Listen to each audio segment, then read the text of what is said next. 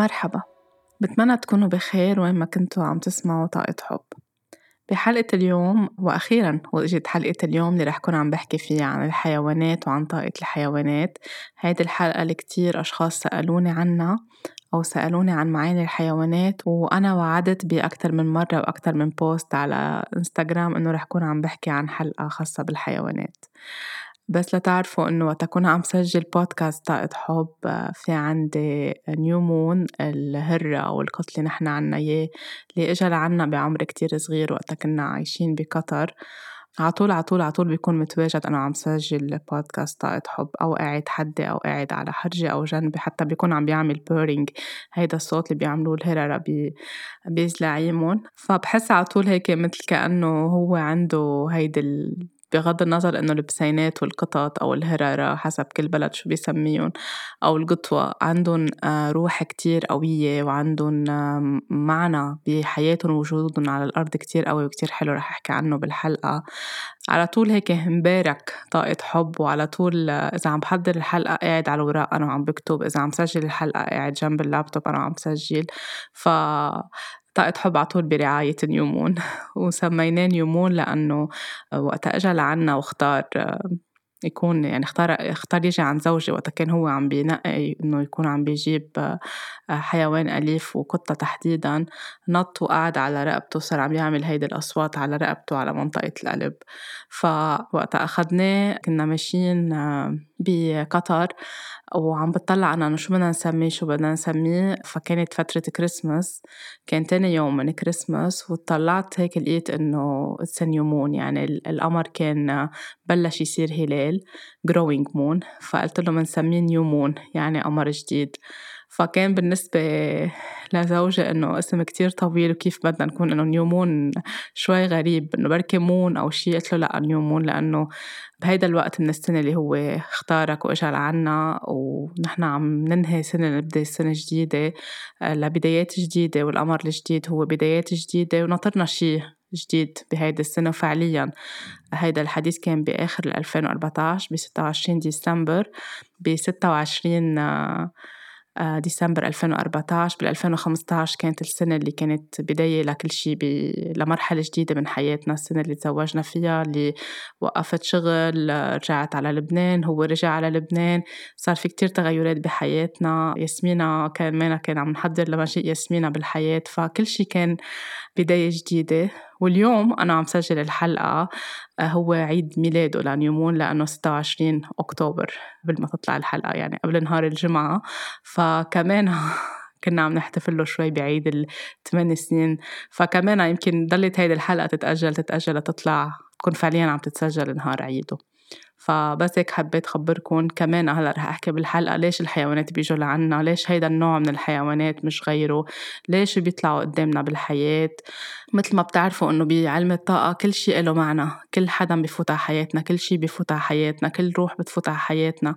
إن كان لخمس ثواني إن كان لخمس دقائق لعشر سنين العمر كله كله في له عبره نحن نتعلم منهم هن يتعلموا منا ليساعدونا ليكونوا مرشدين روحيين بحياتنا لا آه، نفهم حالنا نشفي حالنا والحيوانات هن من الأرواح اللي كتير بتساعدنا على الأرض بكتير أشياء. بتواجدهم بكيف بيكملوا وجودنا بنكمل كلنا مع بعض الوجود على الأرض كل حدا بدور اللي عم بيلعبه بفوتوا على حياتنا ليعلمونا كتير أشياء. إن كنا نحن عم نربيهم عم نتبناهم عم نهتم فيهم ببيتنا أو على الطريق أو بمزرعة أو بأي مكان آخر أو حتى بس تصادف إنه يطلعوا لنا بشي محل. يعني يكونوا قاعدين على السيارة عنا يطلعوا بالبيت آه، يطلعوا ب documentaries عم نحضرهم أفلام وثائقية نحلمهم بنوبنا كتير آه، يجوا على المنام عنا بالليل نحن ونايمين. نفكر فيهم بس نقرأ أو بس نفتح social media بيطلع لنا كتير صور لإلهم. كل هيدا الشي عنده معنى لأنه كل حيوان عنده ال animal spirit اللي بنسميه عنده شي بوجوده وبشو بيمثل وشو العبرة من وجوده على الأرض هو نفس الشي وكيف بعيش وكيف شكله وكيف بياكل وكيف بيركض وكيف بيتآلفوا مع بعضهم بمجموعة الحيوانات. كله هيدا الشي عنده معنى كتير قوي وبس نحن نتلاقى فيهم أو بيجوا على حياتنا أو يمرقوا من حدنا أو ينظروا لإلنا معناتها في شي عم بيخبرونا إياه في شي بده يساعدونا نفهمه في شي بده يساعدونا نشفيه أو بيمرقوا خمس دقايق أو خمس ثواني ليخبرونا رسالة ويرجعوا يكونوا عم بيغادروا ففي كتير آراء متعددة حول موضوع الحيوانات. في ناس كتير بتخاف منها بغض النظر إذا كنا منخاف منها ما منقبلها منحبها منحبها من بعيد منحبها من قريب وجودها له معنى كتير مهم بحياتنا. بهيدي الحلقة رح كون عم بحكي أكيد بدي حلقات كتير لأحكي عن كل الحيوانات. اليوم رح أختار مش حقول أهم حيوانات بس هن كلهم مهمين بالنسبة لإلي لأنه أنا حدا كتير بحب الحيوانات. بس يمكن أبرز حيوانات ممكن الأشخاص تحكي عنها أو تمرق بواقعها أو تكون بتحبها أو بتحلم بنومها فيها أو بتواجهها كتير بحياتها. ف رح كون عم بحكي عن شو دلالات وجودها بحياتنا.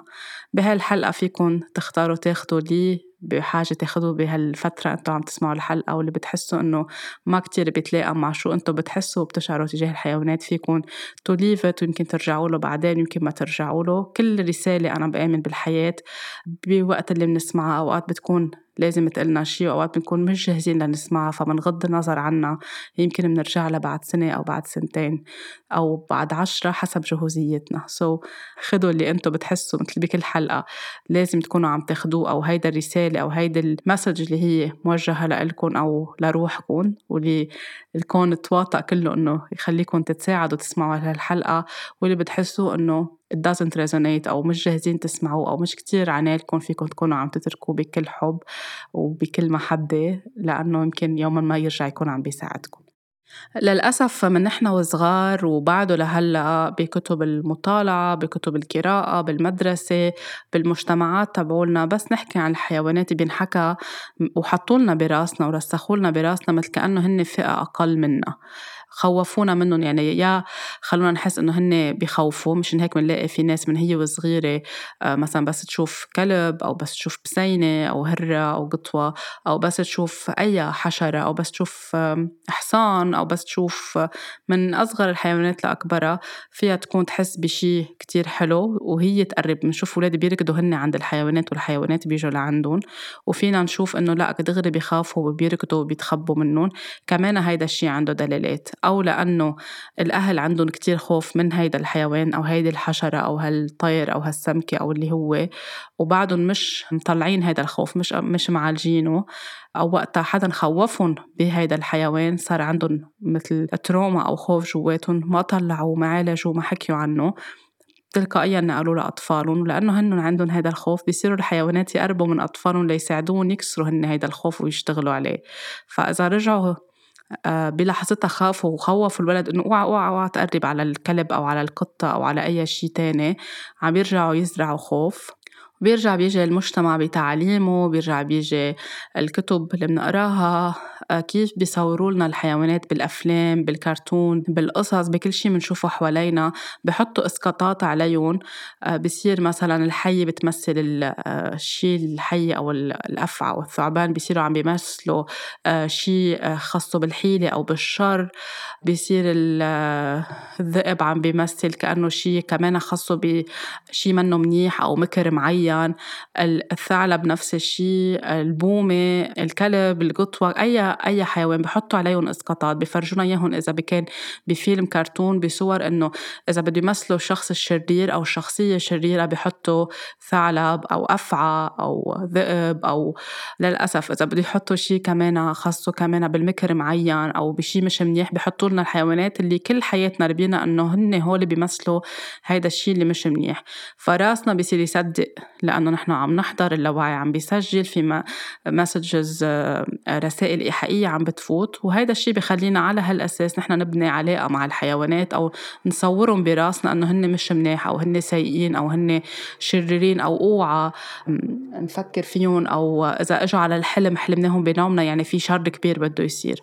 هيدا الشيء من القصص المتنائلة من بالمجتمع بس. بالمعنى الحقيقي بعوالم أرواح الحيوانات القصص مش هيك أبدا. آه، بالعكس كل حيوان عنده شيء كتير رائع يكون عم بيعلمنا عنه وعنده صفات كتير حلوة وصفات كتير عالية كيف حتى هن بيتفاعلوا ببعضهم بين بعضهم كمجموعة. فيمكن صار الوقت إنه نوقف نخوف أولادنا من الحيوانات نوقف ننسب صفات معينة منا حقيقية للحيوانات لأنه هلأ رح تشوفوا قد إيه ممكن نتعلم منهم. كمان صار الوقت نوقف نخوف الأولاد يعني إذا ما أكلت أكلاتك رح يجي الكلب ياكل لك إياهم أو إذا عملت شي مش منيح رح يجي الكلب إذا في جيران عندهم كلب بنصير بنخوف الولد فيه رح يجي الكلب ياكلك بالليل أو رح يجي الذئب أو الديب أو حسب كل بلد شو بيسميه آه ما بعرف شو ياخد لك ألعابك أو رح أتركك برا ورح يجوا الحيوانات ياكلوك بالليل. كل هول القصص أو بال... في هذا الشيء كتير بيقولوه بلبنان إنه لولو اللي هو الذئب أو الديب بقصة chaperon rouge أو Little Red Riding Hood اللي بنحكي فيها إنه كمان الذئب بيتصور بشكل منه حلو أبدا. فبنقول له للولد إنه لولو إنه أو الذئب رح يجي ياكلك. فهول القصص لازم نبلش نوعى إنه نبطل نستخدمها لأن هون عم نبني صورة سيئة عند الأطفال عن الحيوانات بكل أشكالها. مش عم بقول أنا جيبوا ذئب ربوه بالبيت لأنه أساسا ما لازم نحن نكون عم نشيل هيدي الحيوانات من البيئة اللي هي بتعيش فيه. كمان بتعاملنا مع الحيوانات للأسف غير إنه بننظر لهم بفوقية وهن أقل منا ونحن بنسمح لحالنا نعذبهم نضربهم أو نعملهم بطريقة سيئة أو نر... يعني ننبذهم إذا قربوا لعنا. كمان في كتير ناس بتشيل هيدي الحيوانات من البيئات اللي هي لازم تكون عم تكبر وتنمى فيها. في حيوانات لازم تكون عم بتعيش بالبرد في حيوانات لازم تكون عم بتعيش بالجنجل أو بالغابة وبيجيبوها بيربوها عندهم أو بيجيبوها للأسف للأسف بحطوها ليعملوا منها سيرك. ليدربوها بطريقة كتير قاسية آه، بيضربون ليدربون بحفزوهم بطريقة كتير conditional ومشروطة ليكونوا عم بيعملوا حركة معينة لتجي العالم تدفع مصاري وتضحك وتنبسط وتاكل ice cream وتتفرج إنه رحنا على السيرك بس نحن ما بنكون عارفين هالولد اللي عم ناخده على السيرك عم بينبسط خمس دقايق عشر دقايق نص ساعة ساعتين. هالحيوان اللي عم نفرح نحن عم نتفرج عليه عم بينضرب عم بيتخبط عم بينترك بظروف صحية منا منيحة أبدا كطقس كمناخ كأكل كضرب كتعنيف ككل شي هول الحيوانات هن أرواح حرة مثل ما نحن أرواح حرة. محلهم يكونوا بين عيالهم بين بيئتهم. ما فينا نحرمهم من أهاليهم. ما فينا ناخدهم أول ما يخلقوا هن وصغار ندربهم ون... لنكون نحن عم نعمل مصاري على حسابهم. والأشخاص اللي بيشتغلوا بهيدي المجالات بيحطوا كارما كتير كبيرة على حالهم. so please يعني بطاقة حب كتير كبيرة بطلب من كل حدا منكم ما تروحوا على السيرك في كتير اشياء حلوة فيكم تعملوها لأطفالكم فيكم تحضرون وثائقيات عن الحيوانات فيكم تعلمون بكتير إشياء في كتير مطارح فيهم يتسلوا فيها غير السيرك لأنه مش بس هول الناس عم بيراكموا كار مع نفسهم وقت عم تروحوا تدفعوا مصاري للأولاد يحضروا هيدا الشيء عم بتراكموا كار مع نفسكم لأنه تلقائيا عم بتشجعوا هيدي التجارة اللي هي كتير مأذية بحق هيدي الأرواح إن كان الدلافين إن كان الحيتان اللي بينحطوا حتى بي... لو ح... لو انحطوا بأكواريوم كتير كبير نسيت شو الاسم له اسم اسم كانوا بيستعملوه ليكونوا عم يدربون لينطوا ويلعبوا ويفزوا وياخدوا لأنه هن عندهم ذكاء كتير كتير كتير عالي وكتير كبير وبيستفيدوا من هيدا الشيء ليكونوا عم ياخدوا الطبات أو آه، يلعبوا ألعاب بهلوانية معينة هن لازم يعيشوا بالمحيط المحيط لإلهم مش هالأكواريوم قد ما كان كبير اللي عم بيخلقوه إن كان طبيعي أو اصطناعي ليكونوا هن فيه وعم بيتعذبوا يوميا. ما تاخدوا أولادكم على هيدي المحلات ما تشجعوا هيدي المحلات ما تتوظفوا بشي خاصه بسيرك أو مهرجان فيه أي سيرك فيكم ترفضوا هيدا الشي حتى لو كنتوا بحاجة لمصاري. الحياة رح تعطيكم شي أحسن لأنه هاي المصاري ما حتكون هي مصاري نظيفة طاقة نظيفة هاي شغلة كتير مهمة. ما بحق لنا نشيلهم من أي محيط ما في حين نجيب الأسد من الغابة ونحطه عنا بالبيت نربيه ما فينا نشيل الحيوانات اللي بتعيش بالقطب الشمالي ونجيبها نحن نوجعها بمحلات فيها شوب أو فيها حر أو درجة حرارة عالية. كمان ما بحق لنا نكون عم نعمل تجارب عليهم. للأسف إنه كل شيء بينعمل ليكون عم نستخدمه نحن كبشر بنعمل على تجارب على الحيوانات. حتى لو عم نحكي عن الفئران حتى عم نحكي عن الأرانب حتى عم نحكي عن ما في ما فينا نحن نعتبر ونصنف إنه هيدا الحيوان أقل فما عليه إذا. أنتم بتعرفوا كم فقر من وقت ما البشرية تكونت لهلا وبلش يصير في علم وتجارب قد إيه في أرانب وحي وجنيا بيج وفئران وغيرها انعملت عليهم تجارب إذا ما كان في قرود إذا ما كان في كل الحيوانات. بتعرفوا قد هن بيتوجعوا من جوا بتعرفوا شو بيعملوا فيهم. في فيديو انتشر من كم سنة شو بيصير وفرجونا مثل كأنه عملوا مثل simulation يعني مثلوه بطريقة فرجونا إنسان عم بيقطع بنفس المراحل اللي بيقطع فيها الحيوان وقتها بحطوهم ب cages أو بأقفاص وبيكونوا عم بيضخوا فيهم مواد سامة أو مواد ليشوفوا إذا هيدا الدواء بينجح ولا لا ولا هالحمرة أو ال lipstick اللي نحن بنستعملها على شفافنا اذا منيحة ولا لا ولا هالشي اللي بنستعمله على شعرنا. لنكون نحن بس عايشين بشكل فيه رفاهيه وحاسين حالنا جميلين أو منيح أو عم ناخذ دواء معين في حيوانات عم تتعذب معذب إلا على مئات سنين. كمان نحن في كارما عم نسجلها بهيدا الموضوع. so please كتير مهم وقت تكونوا عم تشتروا أي شيء أو تستخدموا أي شيء يكون cruelty free وتتأكدوا لأنه اليوم كلهم صاروا يمكن الأغلبية بيحطوا إنه هن هيدي المنتجات ما تم تجربتها على الحيوانات ولكن بدنا نشوف كمان درجة المصداقية. فما بحق لنا نحن نكون عم نتصرف معهم ما في حق لنا نكون عم نحطهم بأقفاص ونسكر عليهم. ويمكن حسينا بهيدا الشيء بس صار في كورونا. وقتا كلنا قعدنا ببيوتنا وصرنا على شوي كأنه مقفلين علينا وما فينا نظهر من بيوتنا. فيمكن في جزء من تنظيف الكارما اللي نحن بنسجن فيه الحيوانات وبنعذبهم ومن هيدا عم بحكي على مستوى جماعي على بالوعي الجماعي مش إنه اللي عم بيسمع هلأ هو ما عذب حيوان. ما خصه بهيدا الشيء في وعي جماعي ولا وعي جماعي هو اللي عم بيشتغل. بركي خلينا أكتر نكون رؤوفين وعنا رأفة ونحترمهم ونسمح لهم يعيشوا. لو ما منحبهم لو ما بدنا إياهم ببيتنا بس من بعيد لبعيد فينا نكون عم نحترم لهم وجودهم على هيدي الأرض. الشغلة اللي كتير مهمة إنه وقتها بدنا ناخد حيوانات نربيهم عنا بالبيت فينا نكون عم نتبنى. مش بالضرورة نكون عم نشتري كل الوقت. في ناس بتحس إنه بس أنا ما بحب جيب إلا البريد أو النوع اللي كتير كتير غالي أو النوع اللي كتير فانسي بالوقت اللي بيكون في أوقات حيوانات متروكة بالشارع هي اللي أو بمجمعات معينة في ناس عم تهتم فيها بس ما بقى عندها budget تطعميها وتأمن لها المأوى والمشرب والمأكل. فينا نحن نكون عم نساعد أو to volunteer بهالمحلات نكون عم نتبرع آه، نهتم ونساعدهم. أو إذا بدنا نكون نحن عم نتبناهم أو عم ننشر قد إيه في ناس فيها تكون بتحب تتبنى. وبس نكون عم نتبنى وعم نجيب حيوانات لعنا على البيت أو لأولادنا. بدنا نعرف إنه هيدا التزام على مدى العمر. مثل ما كأنه عم نجيب ولد على الدنيا. ما في أنا أجيب ولد بعد سنتين مل وأبعته. بس نجيب حيوانات بدنا نكون إحنا عارفين شو نقرأ نسأل نستفسر شو بيتطلب اهتمام بهيدا الحيوان. مش نكون آه، بعد فترة حسينا إنه لا ما فينا نتحمل هالقد.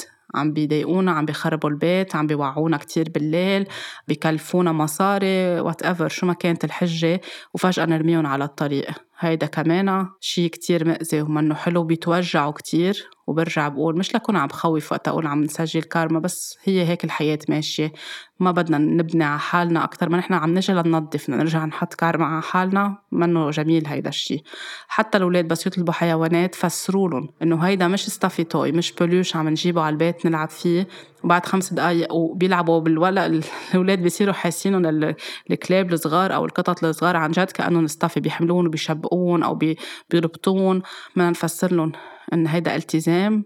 الحيوانات كتير بيساعدوا الطفل يكون الطفل عم بيربى مع حيوان لأنه بيساعدهم على المستوى النفسي والعاطفي خاصة إذا عندكم عندهم حالات معينة مرضية أو نفسية كتير بيعززهم ثقتهم بحالهم كتير بخليهم يحبوا حالهم كتير بيعطيهم سلام داخلي من جوا وحتى شخصية الولد بتكون منفتحة أكتر بس يكون عم بيربى وعم بيكبر مع حيوانات وبيصير عنده رأفة أكتر بالحياة ومناعته بتقوى أكتر.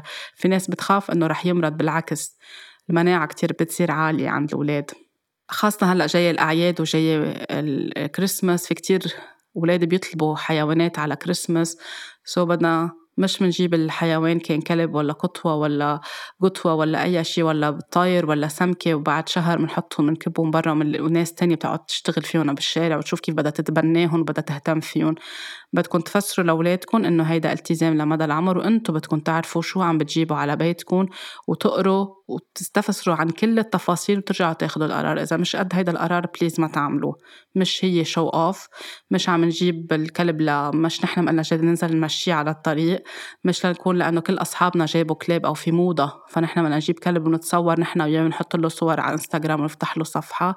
It's beyond than this. نفس الشيء مثل ما كنا نحن عم نربي ولد الحيوان نفس الشيء. so بتمنى عن جد تكون في وعي وتخلقوا وعي حواليكم بهيدا الموضوع.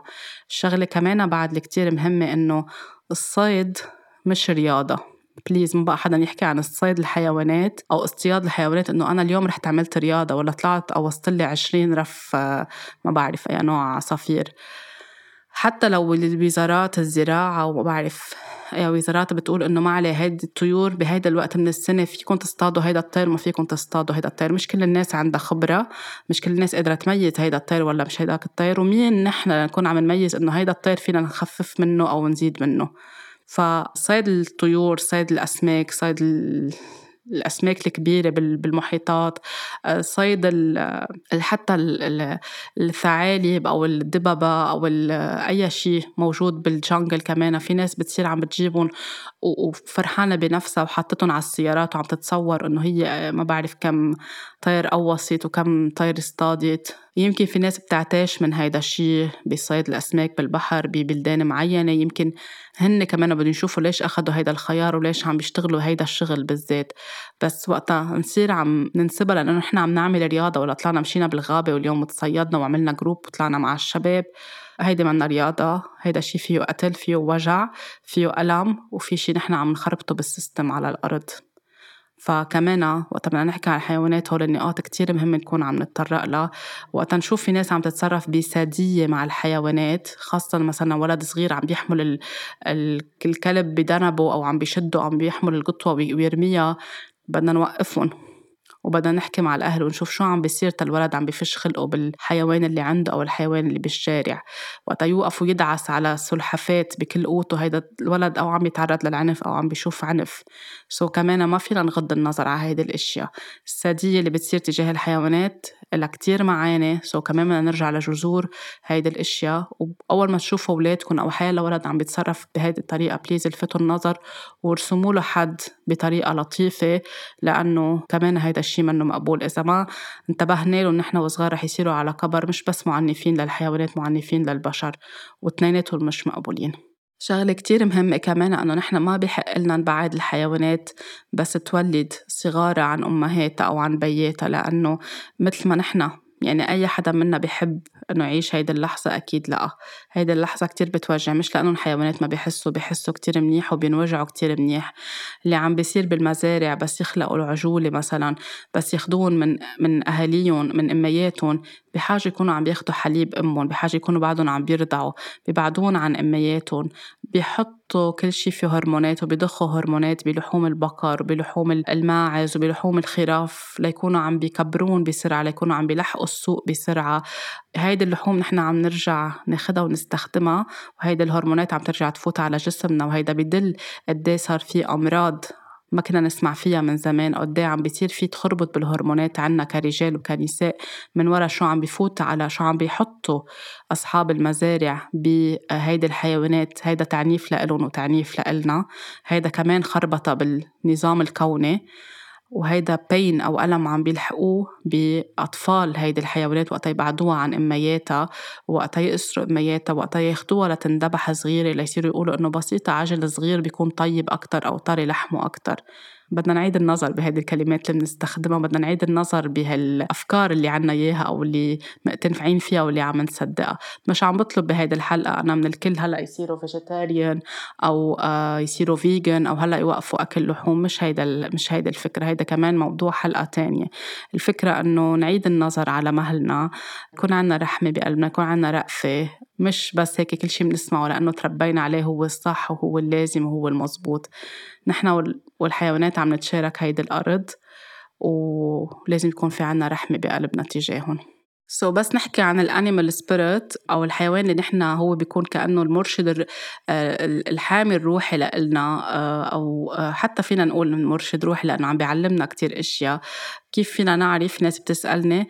أكتر حيوان أنتو من أنتو صغار مندفعين لإله في يكون مش يعني مش ضروري يكون حيوان بيتربى بالبيت عندكم بس بتحسوا له بهيك انجذاب لعنده بتحبوا كتير آه، تقروا عنه تحضروا عنه قصص بتحلموا كتير بنومكم. وين ما تطلعوا بيطلع بوشكم بالقصص بالكتب. بدعايات على الطرقات بيحكوا عنه محل ما بتكونوا أنتم موجودين. معناتها هيدا الحيوان عنده رسالة مهمة يوصلكم إياها بحياتكم كمان راقبوا أحلامكم آه، راقبوا هلأ أوقات في بيجوا بيجوا لعنا بالأحلام مرة ومرتين وأوقات بيكونوا على طول. هيدي شغلة كتير مهمة. الحيوانات اللي كمان بيجوا لعنا لنربيهم مثل ما قلت ببداية الحلقة بيجوا إن كان لقيناهم بالطريق إن كان حدا خبرنا عنهم لنتبناهم إن كان في عشر كلاب وفي واحد ركض لعنا. هيدا الكلب تحديدا جاي ليعلمنا شي ليخبرنا شي آه ليساعدنا. إذا كنا عم نقطع بحالات نفسية معينة عم نقطع باكتئاب ب depression عم نقطع بخضة عاطفية كتير كبيرة عم نقطع بشي trauma معينة واصلين لمرحلة كآبة كبيرة فاقدين الأمل بالحياة. في شي تغيير صار بحياتنا. بيجوا لعنا هالحيوانات ليعطونا شعور بالأمان ليساعدونا يوصلونا رسالة معينة. في منهم فينا نربيهم. بطبيعة الحال في منهم ما بنقدر نربيهم ببيوتنا لازم يكونوا ببيئتنا الخاصة. وفي منهم يمكن ما بنسترجي أو يمكن نحن بنحب نربيهم أهالينا إذا عايشين مع أهالينا ما بيحبوا يكونوا موجودين بالبيت. بنجرب نلاقي شو الطريقة اللي نحن فينا نكون عم لهم شكرا لهيدا الرسالة ونكون عم نهتم فيهم أو عم نساعد أو عم نطلب مساعدة من ناس فيها تساعد هيدا الحيوانات ليكونوا عم بيهتموا فيهم. كتير مهم كمان وقت نختار لهم أسامي وقت يجوا لعنا ونتبناهم إنه الاسم اللي عم نختاره مش يكون بس هيك اسم لأنه آه، دارج أو لأنه ترند أو لأنه آه، ما بعرف أوقات بتكون يعني ما نسميهم أسامي فيها إهانة ما نسميهم أسامي نكون كمان conscious واعيين كل اسم نحن بنطلقه على الحيوان لأنه كمان الحيوان عم يتأثر بطاقة هيدا الاسم. وقت أحكي عن الحيوانات آه، في كتير أشخاص بيسألوني ليش بحب البومة هالقد ال owl أو ال hibou؟ وليش بحب ال whales أو الحيتان أو ال baleines هالقد؟ رح أول حيوانين أحكي عنهم. البومة الأغلبية العالم بتستفول منها بتحس إنه هي فعل شر وهي شي مش منيح وهي إذا انوجدت أو ربيناها أنا ما بحبذ أكيد تربيتها بالبيوت لأن هي مش ما كانت تعيش بالبيوت. أو لبسنا شيء عليه صورة بومة أو عنا أكسسوري بالبيت عليه بومة إنه هيدا فعل شر هيدا شيء مش منيح. مش مزبوط هيدا الشيء بالعالم العربي بيعتبروا إنه هي فعل شر مش كل العالم. وبالعالم الغربي بيعتبروها بورت آه، بونور أو شيء بيجيب لنا فعل جيد. أنا بالنسبة لإلي بحبها كتير وكنت أتراكتد لإلها من أنا وكتير كتير كتير صغيرة. بلشت الخبرية إنه كنت بالحرب بال بضيعة بعيد يعني كنت فترة أنا وخيي بعيد عن أهلنا بالضيعة خلال الحرب وبيخبروا إنه في بنت تاني يوم أو تالت يوم من بعد ما وصلنا بيخبروا إنه في بنت صغيرة تشردقت هي عم تاكل حبة فستق وما قدرت واختنقت وتوفت ما لحقوا يخلصوا وكان عمرها شي سنتين.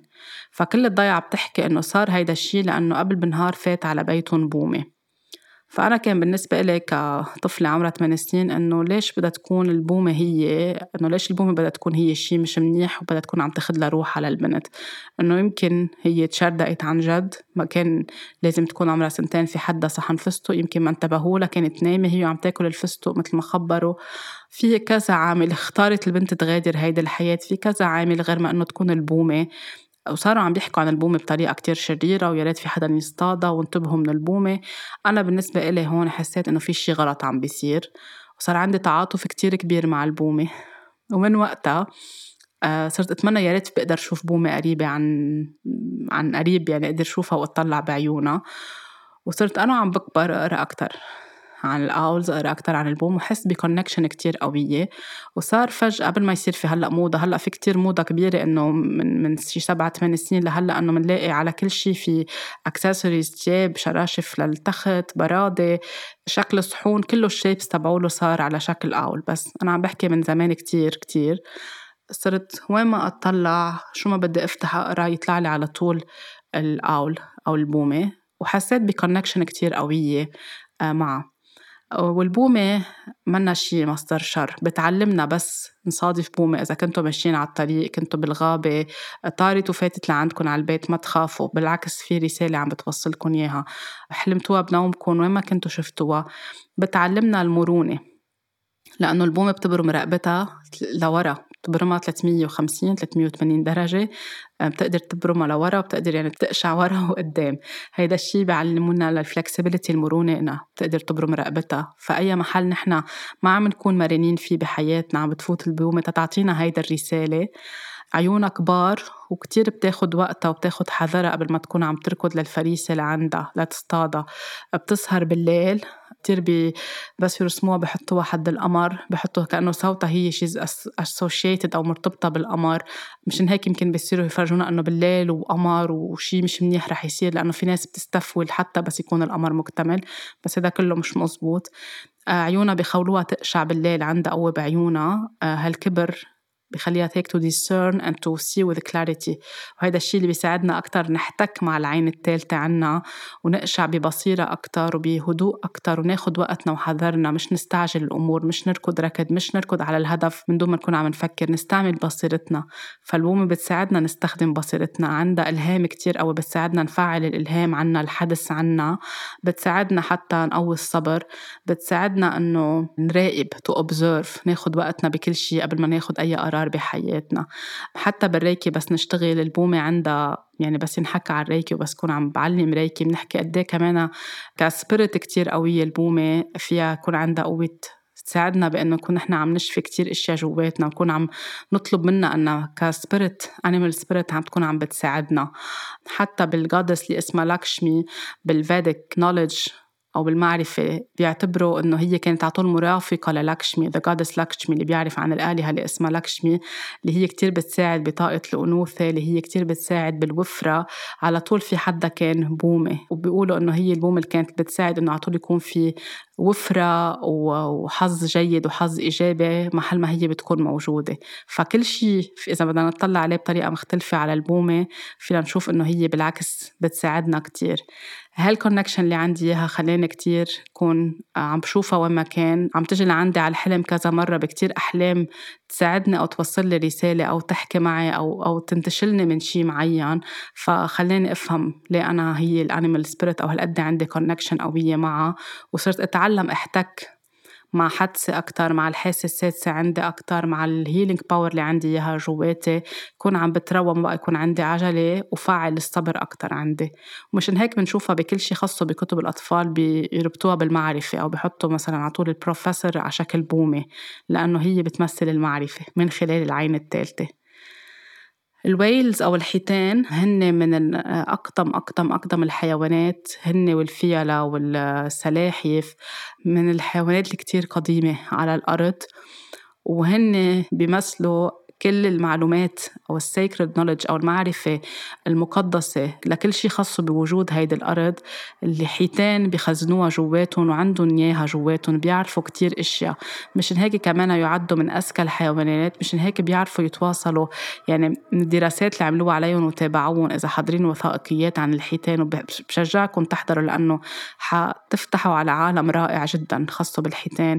كيف بيتواصلوا مع بعضهم عبر كل البحار الموجودة على الأرض؟ كيف بيتفقوا كل مرة أنه كل مرحلة معينة من السنة حوالي هلأ يعني المرحلة اللي جاية ديسمبر بيتلاقوا كلهم بمحيط معين وبيكونوا عم بيتجمعوا كلهم عبر كل المحيطات محل ما هن موجودين. بيلاقوا بعضهم through the echolocation و through الأصوات اللي هن بيكونوا عم بيعملوها. كأنهم عم بيتواصلوا مع بعضهم. نحن اليوم إذا بدنا نعمل group لنظهر ظهرة بنعمل group على واتساب وبنصير عم نتشارع شي ألف مرة وهيدا بده يروح وما بده يروح وبنصير عم نأكد وما عم نأكد وبصير في لخبطات وبصير في أوقات أخطاء. هن الطريقة اللي بيتواصلوا فيها مع بعضهم بلغة الصوت اللي عندهم إياها. ما بيصير في ولا أي خطأ. عن جد إذا بتحضرون بالأفلام الوثائقية رح تعرفوا أكتر عن شو عم بحكي. وين بيتلاقوا كل سنة؟ كل مرة بالعام كيف بيكونوا عم بيساعدوا بعضهم كيف بيروحوا على هذا المكان ليكونوا عم بياخدوا منه أكل آه ليغذيهم الذكور كيف بيهتموا بالإناث الإناث كيف بيهتموا بأطفالهم حتى إذا بعد عنهم طفلهم كيف بيقدروا يرجعوا يلاقوه through the echolocation. عظيم العالم تبعولن حجمهم الكبير بدل قد إيه هن بيخزنوا معلومات جواتهم عندهم معرفة كبيرة. هن إذا بدكم بيمثلوا حوماتنا على الأرض إذا بدكم عندهم بهالطاقة الكونية الكبير الكبيرة أو العناية الإلهية عطيتهم هالطاقة الكونية الكبيرة هن حامينا على الأرض لأن هن بيعرفوا كل شيء مشان هيك نحن دورنا إنه ما بقى نلوث المحيطات ما بقى نكب بلاستيك ما بقى نستخدم بلاستيك لأنه عم نساهم بانقراضهم. وجودهم وجودهم كتير مهم لأنه بيساعدونا بيعلمونا التواصل بيعلمونا كيف نحكي مع بعضنا كيف ننفتح على بعضنا أكتر بيعلمونا قد إيه نكون آه هن كتير بيحموا بعضهم قد إيه نحن يعني بس يجونا بالحلم أو بس نشوفهم قدامنا أو بس نحط نحن بإنجذاب لعندهم. بيعلمونا كمان عن العيلة كيف نكون أليفين مع بعضنا آه كيف نكون عم نجتمع كيف نكون عم نتواصل كيف يكون عنا إبداع وكيف يكون عنا وفاء ورأفة. هن عندهم كل هيدي الصفات. مشان هيك في ناس بخوفون أنه الحوت يا لطيف أنه حيوان كبير رح ياكلني إذا وقعت بالبحر. إذا بتشوفوا قد إيه هن بيطلعوا بسفن بيروحوا بالمحيطات على صوت كتير هادي ما بيعملوا ضجة وبيقعدوا أوقات ساعات وإذا كانوا هن جاهزين وحاسين بطاقة حلوة بيطلعوا بينطوا بقلب المحيط وبيعملوا استعراض بذنبهم الكبير أو بيقربوا حتى أوقات عند العالم لأنه بحسوا بالطاقات وبيسمحوا للعالم تكون عم بتدلعهم أو عم تعملهم كراسي صغيرة لأنه بحسوا بيكونوا عم بيعطون هاي ال connection أو هذا الرابط اللي كتير قوي. فبس يظهروا لنا بالمحيط يعني عن جد بيكون عنا حظ كتير كبير وعم بيطلعوا ليعطونا رسالة كتير حلوة إنه هن عم بي وين ما نحن بمرحلة حياتنا أو برحلة حياتنا عم بيعطونا تأكيد كتير حلو. إن كنا بحاجة نعزز التواصل آه، نتصالح مع حدا بعائلتنا آه، نقدر نعبر عن ال throat chakra عن صوتنا الداخلي. إن كنا بمراحل معينة بال healing بس يجي على حلمكم whale وأنتم عم بلشوا رحلة الوعي أو ال awakening تبعولكم أو التشافي يعني هن عم بأكدوا لكم أنتم على المسار الصحيح. وهيدا الشيء صار معي أنا غير إني بحبهم من أنا وصغيرة بحسهم سوبر رائعين وجميلين جدا جدا مثل ما بشوف البومة جميلة جدا جدا. ما بشبع أحضر documentaries عنهم و videos عنهم ويمكن في ناس بتشوفني قد إيه بحط لهم stories على انستغرام أول ما بلشت رحلة التشافي تبعولي بالحلم شفت whale كتير كتير كبيرة عم كأنه أنا بقلب وأنا حدا كتير كان بخاف من المحيط وبخاف من البحر مثل كأنه عم بتهديني وعم ترفعني بدنبها وعم بتقربني على الشط مثل كأنه أنت على بر الأمان. امشي بهيدي الرحلة. وقتها فات زوجي على حياتي كنت أنا بعد هيك في شوية مخاوف من من علاقات سابقة إذا بمشي بهالعلاقة ولا لأ. بحلم إنه أنا على صخرة كتير كتير كتير كتير عالية بمكان كأنه مش بهيدا الأرض. مكان كتير جميل وكتير حلو وكتير نظيف. ومثل كأنه في بوقع يعني كأنه عم بنط أو عم بوقع من عن هيدي الصخرة العالية وعم بنزل بالبحر. فأنا وعم بنزل بيكون في حوت كتير كبير بتستلقاني بطريقة معينة وبصير أنا ماشية معها بالبحر بس أنا ما عم بغرق ماني خايفة المي كتير حلوة أو كأنها عم تتواصل معي إنه أنت بمكان كتير آمن. وبترجع بتعليني بتطلع هي بتعليني بتعليني يعني بتصير هي أطول من الصخرة وبيرجع في فيل بيستلقاني وبيطلعني على هيدي الصخرة. واثنيناتهم عندهم معنى روحاني كتير قوي. وحتى وقت حكيت مع حدا من أساتذة ريكي قالت لي إنه عم بيعطوكي تطمين اثنيناتهم إن كان الفيل ولا الحوت إنه أنت بأمان وفيك تمشي بهيدي العلاقة وفيك تكون هاي العلاقة عم تجي تكمل لك مسيرتك الروحية أو ال healing journey تبعولك. وفعلا هيدا الشيء اللي صار. فهول التفاصيل تطلع عليهم. حتى وقت تحلموا حيوانات بنومكم طلعوا على التفاصيل الصغيرة لأنه كمان التفاصيل إلها معنى مع شو نحن عم نحس شو عنا مخاوف شو عنا أشياء جواتنا عم بتصير. الفيلة بيمثلوا الحظ الجيد وبيمثلوا كمان العيلة لأنه عندهم كتير هن concept العيلة عندهم كتير الوفاء والأمان وما بينسوا ما بينسوا بيقولوا حدا عنده ذاكرة فيل عندهم ذاكرة كتير قوية حتى إذا فقدوا حدا من العي من من ال tribe تبعولهم هن كمجموعة آه، بيعملوا له دفن أو بيعملوا لها دفن وعندهم وفاء كتير قوي لبعضهم وما بينسوا أي تفصيل صغير. مشان هيك بنقول حدا عنده ذاكرة فيل. بيذكرونا بالأمومة بيذكرونا كمان هن من الحيوانات اللي لهم زمان كتير كتير وعمرهم كتير طويل بيذكرونا كمان بالفرح بال grounding لأنه هن كيف بيمشوا قد إيه عندهم احتكاك مع الأرض ومع الطبيعة. وعندهم كمان symbol كتير قوي بعالم الروحانيات وبعالم الشفاء والتشافي. فمشان هيك بتشوفوا كتير قصص مصورة على شكل فيل أو صورة فيل لأنه كمان عندهم رمز كتير قوي برحلة التشافي تبعونا بيساعدونا نحتك مع حالنا من جوا نفوت على حالنا من جوا يقولنا ال grounding نقوي نحن ال grounding تبعولنا الأمان تبعولنا آه، كمان الحاسة السادسة وتواصلنا مع الأرض. وحتى بس نحلمهن بنومنا بيكونوا عم بيقولوا لنا مثل كأنه استخدموا قوتكم الداخلية استعيدوا قوتكم الداخلية ما تخلوا حدا يكون عم بيستغلكم مشان هيك كمان لازم ما نكون عم نصطادهم ما عم ناخد الأسنان تبعولهم لنعمل منها عاج ونعمل اكسسوارز نلبسهم ونتفاخر فيهم. ما نكون عم نعذبهم حتى مثلا بس يصير في استخدامهم للسواح بيكونوا كمان في شي 20 30 سايحة شوي طالعين على ظهر الفيل. هيدا الشيء عم بيخلق له كتير عذاب. ما نكون عم نستخدمهم حتى كمان بالسيرك لأنه هيدا الشيء عم نأذيهم هن حيوانات كتير قوية على الأرض. لازم يكونوا موجودين ما بقى يكونوا عم بينكردوا وعم بيعطونا كتير أمان. هن والحيتان حماة على هيدي الأرض هوليك بالبحر وهن على الأرض. الرنة أو ال reindeer اللي بيحبون أو اللي كمان بيظهروا له أو بيشوفون أو منجذبين لإلهم بيمثلوا الحكمة وبيمثلوا كمان المعرفة والذكاء. وهن حتى بيمثلوا الاستمرارية لأنه هن كمان بيعيشوا ضمن كأنه قبيلة كيف بيلتقوا مع بعضهم كيف بيكبروا القبيلة تبعولهم بيمثلوا الاستمرارية. في أي محل نحن ما عم نحس ب belonging أو بانتماء للعيلة أو أي مكان بيكونوا هن عم بيساعدونا يقولوا لنا أنتم مش لحالكم بهيدي الدنيا أو يساعدونا نصالح أو نتصالح مع شي جواتنا خاصة بالعيلة حتى الطريقة اللي آه، بيتخلوا فيها عن ال أو they shed their antlers القرون اللي عندهم إياها كمان كتير فيها حكمة. هن هلأ بشهر كانوا تشرين الثاني أو نوفمبر بيتخلوا يعني they shed بيشيلوا هول ال... إذا بتشوفوا كمان بدوكيومنتريز كيف بيصيروا بالغابات عم بيسارعوا ليشيلوا هالقرون اللي هن على راسهم وبيرجعوا أكيد عن جديد بيكونوا عم بيمثلوا لنا regeneration عم بيمثلوا لنا إنه الحياة ما بتوقف وقت نحن we shed something that we don't need anymore. يعني أي شيء نحن عم نتخلى عنه أو عم نسمح له بالتحرر لما بقى يفيدنا ما بقى بيفيد طاقتنا ما بقى بيفيد ال highest good تبعولنا أو خيرنا الأعلى صار الوقت إنه نكون عم نتخلى عنه. أوقات التخلي عنه بيكون بيوجع فهن حتى هن عم بيشيلون بيكونوا عم بيتوجعوا.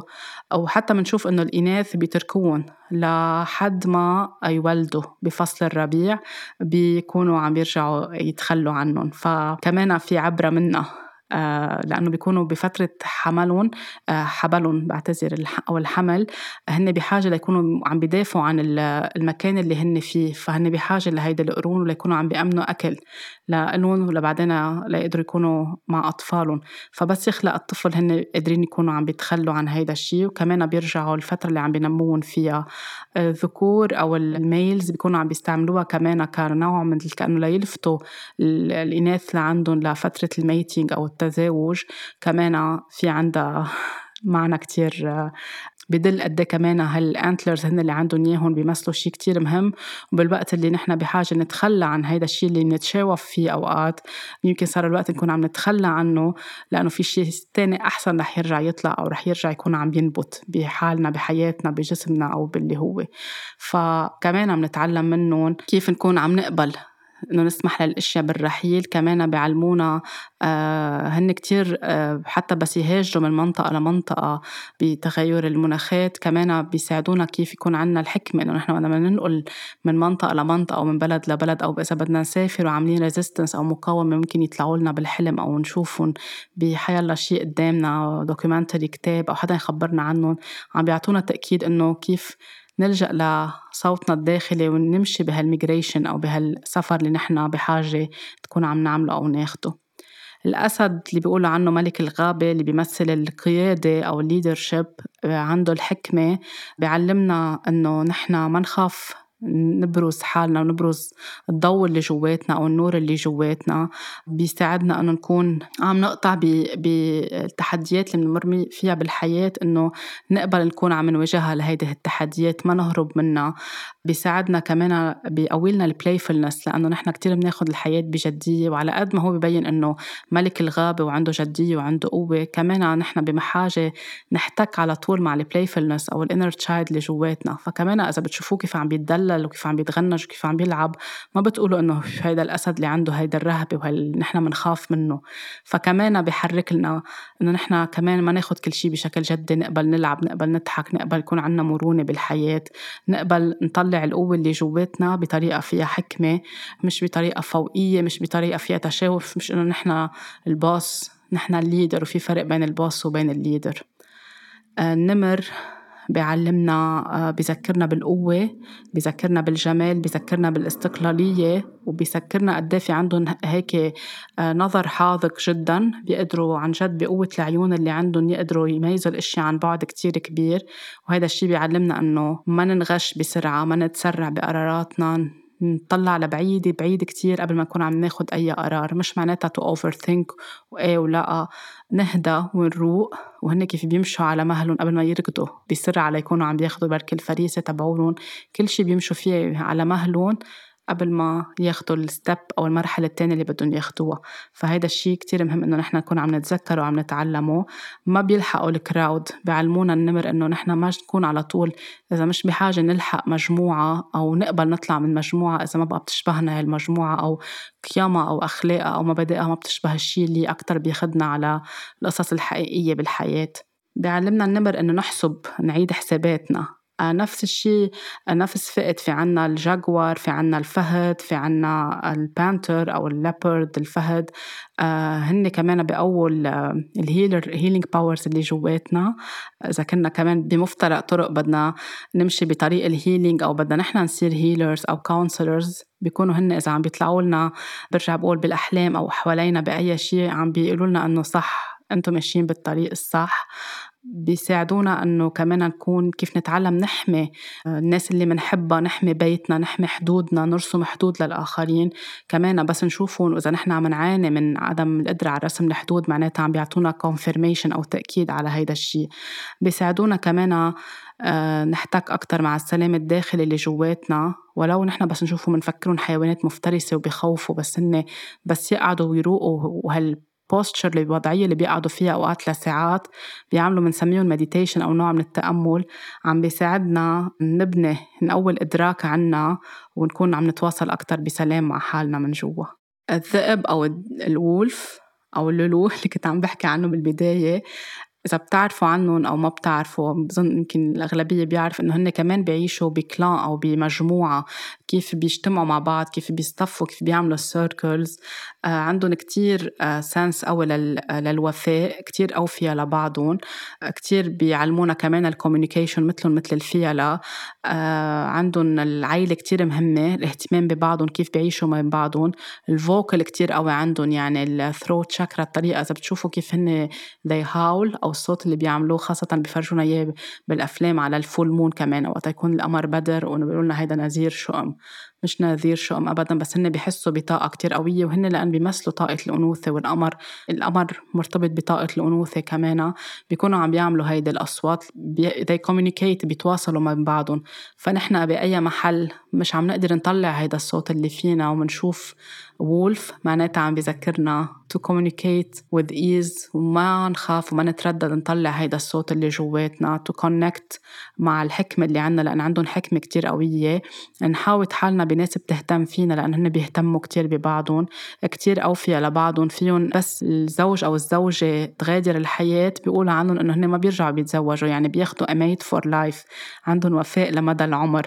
كمان بيذكرونا إنه وين بحياتنا نحن ما عم بيكون عنا وفا تجاه نفسنا أو تجاه الآخرين أو عم بنكون على طول عم نجذب لعنا الناس الغير أوفياء فبيطلعوا بحياتنا ليقولوا لنا إنه في ناس اوفياء أو نشتغل على موضوع الوفاء تجاه نفسنا مثل ما حكيت بحلقة الخيانة.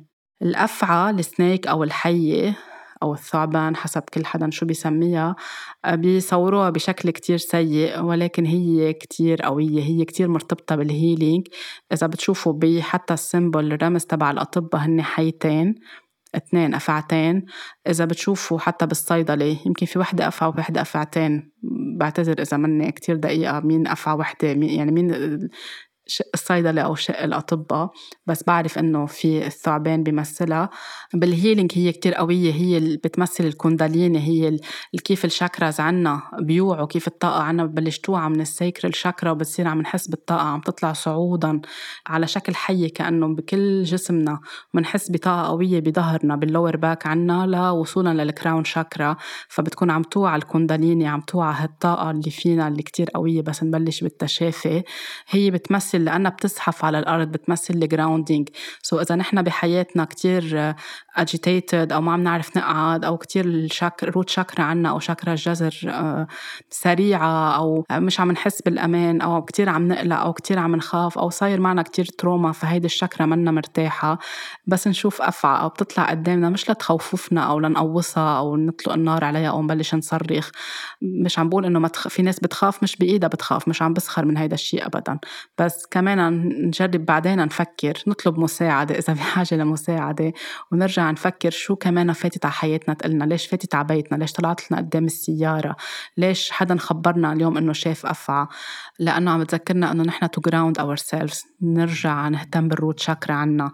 الطريقة اللي بتشلح فيها السكن تبعولها الشادينج كمان هي بمرحلة معينة. إذا شي مرة شايفين كيف قشرتها بتكون شالحتها كلها وتركتها بالأرض بغابة أو بجنينة أو بحديقة معينة كمان بتعلمنا إنه what we don't need it's time to shed those layers. نفس الشيء مثل الأنتلرز عند الرنة بتساعدنا إنه نشلح هيدا الشيء نعمل letting go لنكون عم يرجع نسمح لنمو بداية جديدة أو سكن جديدة. كمان كتير هيدا الشيء رمزي. نحن بس نشوف هيدي الشغلة. إذا شفتوا شي مرة القشرة تبعولها للحية يعني عم بتذكركم إنه أنتوا تشد. ما تخافوا ما تعملوا مقاومة تتخلوا عن هيدي الأشياء اللي بطلت عم تكون عم تخدمكم بتساعدنا إنه نطلع على التغييرات بشكل إيجابي. حتى وقتها بيصيروا يفرجونا إياها إنه هي الحي. خبروا عن حدا بيقولوا بس يحكوا عن النساء بعضهم بيقولوا حية أو هيدا الفلانة بالعيلة حية كبيرة أو لسانها طويل أو بتبخ سم هي حتى وقتها تطلع لنا ونشوف السم عم بيطلع عم بتمد لسانها اللي ممكن أوقات نخاف منه. عم بتقلنا عم بتذكرنا وين في محل في شيء مسموم بحياتنا. Where in our life what is the poison in our life أو what is poisonous بحياتنا؟ وين في محل في سم أو سموم معينة لازم نتخلص منها داخل جسمنا بحياتنا محاطين فيها. كمان مهم نفكر. على طول بس يطلع لنا الحيوان نشوف نحن شو عم بيصير بحياتنا وأي إجابة عم بيعطينا. مش هيك عم بعطي كتير احتمالات. النسر أو الإيجل هو بنسميه wind of change يعني هو بيعلمنا كأنه كأنه رياح التغيير جديدة في شيء جديد جاي على حياتنا. الشارب فيجن عندهم الرؤية عندهم كتير كتير قوية وكتير حادة. يعني إذا بتطلعوا من عيونكم بعيونهم في ناس بتخاف تطلع بالنسر وهن بس بدنا نقول لحدا إنه شو خلي يكون عندك eagle vision مثل كأنه وقف من بعيد أو وقف من فوق وتطلع. إذا في شغلة مضيعة رح تلاقيها أو في شيء مش عم تقدر تاخد قرار فيه أو مختلطة القصص عندك بحياتك خلي يكون عندك هال eagle vision لأنه هن بيطيروا على محل كتير عالي بيطلعوا من فوق بيقدروا يقشعوا كل شيء بوضوح بيقدروا يقشعوا وين هن بدهم يغطوا أو أي فريسة بدهم ياخذوا أو وين هلأ بدهم يرتاحوا. فكمان بيعلمنا يكون عنا هالإيجل فيجن يكون عم يكون عنا كمان بصيرة كتير قوية ونكون واضحين بالرؤية تبعولنا مش عم نخلي قصص تزعزعنا. و to stand up for ourselves نوقف وندافع عن حالنا. الفالكون أو الصقر أو الصقر وموجود كتير وبيمثل جزء كتير كبير بالتراث بالدول الخليجية. بيعلمنا التصميم بيعلمنا التركيز السرعة آه، عنده كمان قصص كتير قوية خاصة بالهيلينج وبالتشافي. وبيعلمنا آه، بس يكون عنا تصميم وتركيز وبس نكون عنا يعني بس يكونوا هول الاثنين قوايا في يكون عنا سرعة معينة بتخلينا نوصل على الهدف تبعولنا بطريقة كتير سليمة. لأنه إذا ما كان في إذا نحن بس ركضنا على الهدف ومستعجلين على الهدف وبدنا نحرق المراحل الهدف ما رح يكون كتير في قصص رح تتخبص ما رح تمشي صح ما رح في شيء مش صح رح يمشي في شيء طاقته ما رح تكون متناغمة. بس نركز ونصمم بننتقل للسرعة بنرجع بننتقل للهدف. سو كمان بس تكونوا محاطين بصقور أو بتشوفوا حدا حامل صقر أو بتتلاقوا فيهم كمان عم بيعطوكم رسالة خاصة بهالمواضيع وين بحياتكم بشغلكم بعلاقاتكم بتفاصيل حياتكم بمشاريعكم بحاجة تركزوا على هيدي الأشياء. الكلب اللي بيحب الكلاب الكلب بيذكرنا بال trust بالثقة بالوفاء بالحماية بالصداقة بالحب الغير مشروط. بيقولوا عن الكلب إنه هو أفضل صديق للإنسان. وهن كمان عندهم عندهم الميزات ال sociable يعني كتير عندهم بيحبوا يلعبوا بيحبوا يقربوا من عند الإنسان بيحبوا يلعبوا مع الأطفال بيحبوا يلعبوا مع بعضهم. عندهم ذكاء كتير حاد عندهم حاسة الشم كتير قوية بحسوا بالإشياء وعندهم الجوي عندهم فرح دايم الكلاب. إلا إذا عم بيقطعوا بشيء محزنهم أو كانوا مريضين أو اصحابهم مريضين لأنه نحن بس نمرض على فكرة امراض يعني وقت حدا يقول لي بدي أعمل ريكي لحيوان بسأله هو شو عم بيصير معه قبل ما أعرف شو عم بيصير مع الحيوان أو الحيوان وين مريض بأي منطقة من جسمه بدي أشوف أصحاب البيت شو عم بيصير معهم أو الشخص اللي كتير قريب منه أو اللي هو الجارديان تبعوله أو الرب عم بيربيه أو عم بيهتم فيه أو عم تهتم فيه هن شو عم بيصير معهم على مستوى النفسي والجسدي لأنه هن بيسحبوا منا هيدي الطاقة ومثل لأنه عندهم وفاء كتير كبير لنا بصيروا عم بيرجعوا. هن يعيشوا هيدا مثل الأولاد بس يكون في طفل مريض بدي أسأل الأهل شو عم بيصير معه نفس الشيء مع الحيوانات لأنه الحيوانات كمان بنعمل لهم ريكي وبيتلقوها بطريقة كتير حلوة بيعرفوا كيف يتلقوها وإذا بدهم أو ما بدهم كمان. فحتى بس يجوا لعنا كلاب ضايعين أو stray dogs أو مهملين أو متروكين وكتير مهم نسأل حالنا وين نحن تاركين حالنا أو هاملين حالنا بالحياة. Where do we feel نحن as stray أو as homeless أو مش حاسين بدفى البيت أو بدفى العيلة أو في قصص ما عم نحب حالنا كفاية أو أهملنا حالنا أو أخذنا حالنا على محلات كتير خطيرة. بيجي الكلب ليساعدنا نرجع نشفي حالنا نرجع نهتم بحالنا. فمنلاقي بيصير في bonding كتير قوي بين الكلب والشخص اللي عم بيربيه إن كان رجل أو امرأة. والأشخاص اللي بيقطعوا كتير ب experience ات أو بخبرات كتير قوية مثل الاكتئاب كتير عالي شعور بالوحدة كتير كتير كتير قوية ميل للانتحار خيانات قوية غالبا ما بيجي لعندهم. كلاب ليساعدون يرجعوا يطلعوا على هال على الخيانة بطريقة مختلفة يتصالحوا مع حالهم يشوفوا هن وين خانوا حالهم. تيطمنونا إنه الوفاء موجود وليساعدونا نطلع من الحالة اللي نحن فيها. مشان هيك وقتها بدنا نحكي ونقول أوقات بنقول للإنسان صفات خاصة بالحيوانات إنه هيدا كلب أو هيدا حيوان. لازم نرجع نعلم حالنا إنه ما بقى نعطي للإنسان صفات حيوانات. بنفكر إنه نحن عم عم نشتمه. هو أساسا مش مطلوب نشتم بعضنا بس. وقت نفكر إنه عم نعطيهم صفات حيوانات يعني عم نعطيهم صفات حلوة. إذا براسنا عم يقطع إنه هي هيدي الصفة مش منيحة لأنه شوفوا قد إيه عندهم صفات عالية الحيوانات. الهرة أو القطوة أو اللبسان هن هيلرز هن عندهم قدرة تشافي كتير كتير كتير قوية. بسموهم هيلرز مشان هيك عند الفراعنة أو بالحضارات الفرعونية قد إيه كانوا مقدسين وقد إيه كانوا يهتموا فيهم بيقولوا عنهم غدارين بس هن فعليا منهم غدارين هن حذرين. كتير بيساعدوا بس يكونوا بالبيت. كتير بينظفوا طاقة البيت. هن أساسا عن كتير نضاف القطط. حتى بلسانهم عندهم هيك لسانهم إذا بتطلعوا عليه مثل المبرد. هن بيحمموا حالهم هن بينظفوا حالهم كتير نضاف على حالهم وكتير مثل ما بيقولوا باللبنان منقنفين على حالهم. في ناس بتقرف من القطط بس هن عن جد حتى اللي بيكونوا عايشين بالطرقات كتير بيعرفوا ينظفوا حالهم. بينظفوا الطاقة بالبيت بيحسوا إذا في أرواح منا منيحة بالبيت. بيحسوا مشان هيك بنشوفهم على طول عم يطلعوا بنظر كتير ثاقب وعم يطلعوا شمال ويمين وبيقشعوا قصص نحن ما فينا نقشعها إلا إذا كان عنا الحاسة إنه نحس بهيدي الأرواح. بينظفوا الطاقة بس يجوا لعنا يقعدوا على إجرنا أو على بطننا أو على محل من جسمنا بيعملوا البيرينج هيدا الصوت اللي عم بيعملوه بدل إنه قد إيه هن بيرتاحوا لنا وبيحبونا. كمان أوقات كتيرة بدل إنه هن في مكان عم بحسوا بألم أو بوجع. من هيك بنسمع إنه في ناس كانت عم تعمل جرحى ولبسان ساعدها تروح على المستشفى لأنه كان عم بيساعد يشيل هالشي أو هالوجع. أو كان عندها tumor كان هالبسين عم له فترة عم بينام حد راسها مثلا بعدين اكتشفوا إنه في tumor فبيكون عم بيعمل healing حتى بس المحلات اللي بيروح بيقعد فيها القط بيكون عم بيسحب منها الطاقات الثقيلة مشان هيك بيرجع بيراجع أو بيستفرغ أو they vomit ليطلعوا هيدي الطاقة اللي مش منيحة. بنشوفهم قاعدين على ال screen أو حد التلفزيون أو على اللابتوب. بنفكر إنه هن بدهم دفى لأنه هن بيبردوا لأنه في إشعاعات عم بتطلعها هيدي الأجهزة ببيوتنا فهن بيقعدوا ليسحبوا الطاقة. تخيلوا قد إيه عم بيساعدونا. وأنا بقدر أعرف من القط اللي عندي أول ما نقلنا على لبنان في كتير قصص قدرت فهمتها من خلال healing ال قد إيه في أشخاص معينة في طاقات معينة. إذا كان أنا عم بحسني قلبي إنه ماني مرتاحت لها لهيدي الطاقات أو لهي الأشخاص كان هو عم بيعطيني confirmation بكتير أشياء وقتها. كان عم بيختفي بس يجوا الأشخاص ومن بعد ما يغادروا البيت من عنا بيروح على الباب بيراجع أو أي شيء ممكن يصير كان يكون هو كتير عم بيساعد بهيدا الموضوع. وقتها كان يحب وبعده بحب يضل قاعد بغرفة العلاج عندي بغرفة ال Reiki.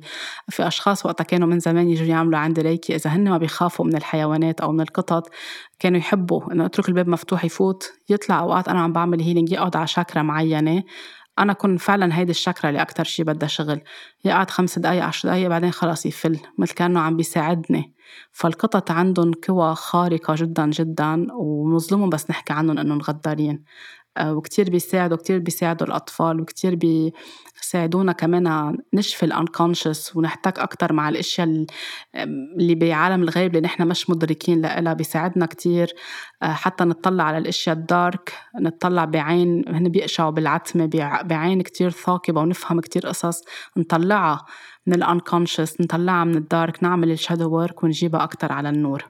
ال cow أو الأبقار اللي بيقولوا عنهم sacred هن عن جد sacred مشان هيك في بال Vedic culture أو بهيدي الثقافة أو ببعض الحضارات أو بهالبلدان بكرمون كتير بيهتموا فيهم كتير وما بي ما بيذبحون ما بيقتلون ما بيتخلصوا منهم كتير لأنه هن عن جد كمان عندهم معرفة كتير قوية بيمثلوا الأمومة على الأرض بيمثلوا الحماية بيمثلوا ال nurturing قد إيه نحن بنهتم بحالنا بندلل حالنا بنعطي حنية لحالنا. الأبقار هي بتمثل هيدي الطاقة على الأرض مشان هيك لازم كتير نهتم فيهم عندهم طاقة كتير عالية عندهم حتى يعني بس بدنا نحتك بمحل مع طاقة الأرض مع أمنا الأرض فينا نكون عم نغمض عيوننا وعم نتخيل حتى وجود هيدي الأبقار من حولنا. يمكن في ناس تضحك بس تسمع هيدا الشيء بس عندهم طاقة كتير حلوة. مش هيك بتشوفون أوقات بفيديوز؟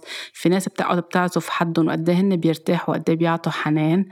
آه وقت عم نحط لهم هرمونات وقت عم ناخد أطفالهم منهم وقت عم نأذيهم وقت عم نحط لهم هرمونات لنجيب لبنة ولبن أكتر لنجيب لحوم أكتر. عم نأذي هيدي الطاقة على الأرض وهيدا الشيء عم بيأثر على طاقة المرأة وعلى طاقة الأنوثة وعم نشوف قد في مشاكل هرمونات عم بتصير عند المرأة. هن كمان عندهم نظافة كتير عالية لأن هن بس ياكلوا they ruminate يعني بيشتروا الأكل أكتر من مرة مثلهم مثل الجمل.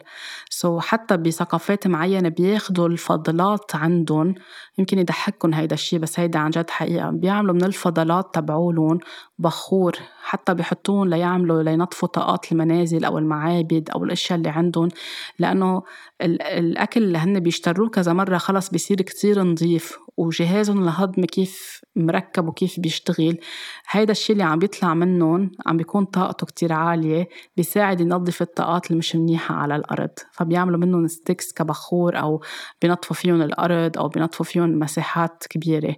فهالقد لازم نحن نكون عن جد عم نعطي أهمية للأبقار مشان هيك بيقولوا لهم the sacred ones. مش لأنه في ناس بتقول بتعبد البقرة أو مش هيدا هي الفكرة. هي بيقدروا لهم وجودهم على الأرض لأنه عن جد عندهم طاقة كتير كبيرة. وبس يطلعوا لنا كتير بحياتنا بدنا نشوف علاقتنا مع أمنا كيف علاقتنا مع جسمنا علاقتنا مع طاقة الأنوثة ومع طاقة الأرض كيف. الأغنام بيذكرونا بالطفولة بال child اللي جواتنا قد بنسمح للطفل اللي جواتنا يطلع لبرا. نسمح لل inner child نرجع نتصالح معه نرجع نحبه نرجع نسمح له يكون عم بيلعب وعم بيفرح بالحياة. بيذكرونا كمان إنه ما نمشي بال crowd ما نمشي مع الجميع مع القطيع بس لأنه لازم نكون عم نتبع شيء معين. إذا عنا أفكار مخالفة إذا عنا قيم مخالفة نكون نحن عم نقبل نطلع من هيدي المجموعة. وحتى وقت يصيروا العالم يشبهوا الناس إنه أنتم مثل الغنم ماشيين بالقطيع. هن الطريقة اللي بيمشوا فيها على فكرة كتير منظمة مش مثل ما بيشبهوا العالم فيها. بس بيمشوا بالقطيع هيدا جزء من حياتهم. سو so كمان بيذكرونا وين بمحلات نحن. هل لازم نخرج من القطيع أو لازم نكون منظمين أكتر؟ أو لازم يكون عنا وعي أكتر؟ ننتبه لهيدا الموضوع. الماعز بيذكرونا قد إيه مهم يكون في توازن بحياتنا وقد إيه كمان يكون عندنا ثقة بحياتنا وننمي الحشرية لأنه هن كتير عندهم حشرية بنشوفهم كيف حتى بيتسلقوا الجبال بيمشوا على حافة الجبال إذا شي مرة حاضرينهم بنحس إنه رح يوقعوا بس عندهم حكمة عندهم حشرية قوية عندهم نظافة كتير كبيرة وعندهم كمان حكمة كتير قوية وثقة بالنفس كتير قوية بتخليهم يعرفوا إنه هن ما رح يوقعوا. فبيذكرونا وين نحن بحاجة نفعل هيدي الإشياء بحياتنا. الأحصنة أو الخيل أو المهر كمان بيمثلوا الوفرة بيمثلوا الفرتيليتي أو الخصوبة آه، بيمثلوا ال sacral chakra شاكرا الطاقة الجنسية وال sacral الطاقة شاكرا الجذر أو sorry شاكرا الخلق. بيعلمونا كيف نحن نحل المشاكل بيذكرونا إنه نحن عنا قدرة جواتنا نحل المشاكل. إذا كنا بمرحلة واصلين لحيط مسدود هن بينوجدوا بحياتنا ليقولوا لنا رجعوا طلعوا جواتكم في حل أكيد بس أنتم ما عم تقدروا تشوفوه. بيساعدونا كمان نعيش الحرية بيكون عنا نبل بحياتنا يكون عنا استقلالية بس مبنية على ثقة بالنفس وعلى حدود حقيقية. ونحرر حالنا من أي limitation أي شيء عم بحد من تطورنا من وعينا من رحلتنا بالحياة. بيساعد بيساعدونا نكون عم نتحرر منه وننطلق ونكتشف الكون ونكتشف الأرض ونكتشف الطاقات كلها سوا. السلحفات هي من الحيوانات كمان المعمرة جدا جدا جدا. بتذكرنا كمان بال grounding قد إيه نحن لازم تكون طاقة ال root chakra عنا كمان كتير متوازنة. إذا كانت منا متوازنة بنشوف سلحفات بتطلع لنا وين ما كان. بتعلمنا كمان عن ال healing خاصة كتير بالتشافي. بتعلمنا to slow down نبطئ السرعة نكون وتيرتنا كتير على مهل. إذا مستعجلين وراكضين ركض بحياتنا. نعرف إمتين يكون هال هال shell اللي هي بتحملها على ظهرها. نعرف إمتين ننسحب من موقف معين وامتين نفوت على بيتنا وامتين نظهر للحياة لبرا. فبتعلمنا ما نكون على طول متسرعين على طول منطلقين على طول أو على طول انطوائيين نعمل بالانس أو توازن بحياتنا. السنيل أو الحلزونة أو البزاق بيقولوا لها باللبناني. كمان بتعلمنا نفس الشيء لأن عندها شال. آه كيف نكون لطيفين مع حالنا كيف نحتفل بحالنا. إمتى نظهر بس يصير في شتى بتظهر هي لبرا. كيف نغتنم الفرصة بطريقة على مهلنا. من دون عجلة. إمتى نعمل هايبرنيشن إمتى نضب لجوا وناخد وقتنا وامتى نرجع للحياة. حتى هي لأنه بسموها كأنه شنطتها على ظهرها ومسافرة. بيتها معها على طول كيف عم تنتقل. إذا نحن كمان بدنا نسافر خايفين من مرحلة جديدة فيها سفر خايفين نترك بيتنا. بتذكرنا بأنه نحن فينا الهوم موجود جواتنا. ناخده معنا وين ما كان إذا كنا نحن بتوازن مع حالنا أو بحاجة نفعل هيدي النقطة أكتر جواتنا.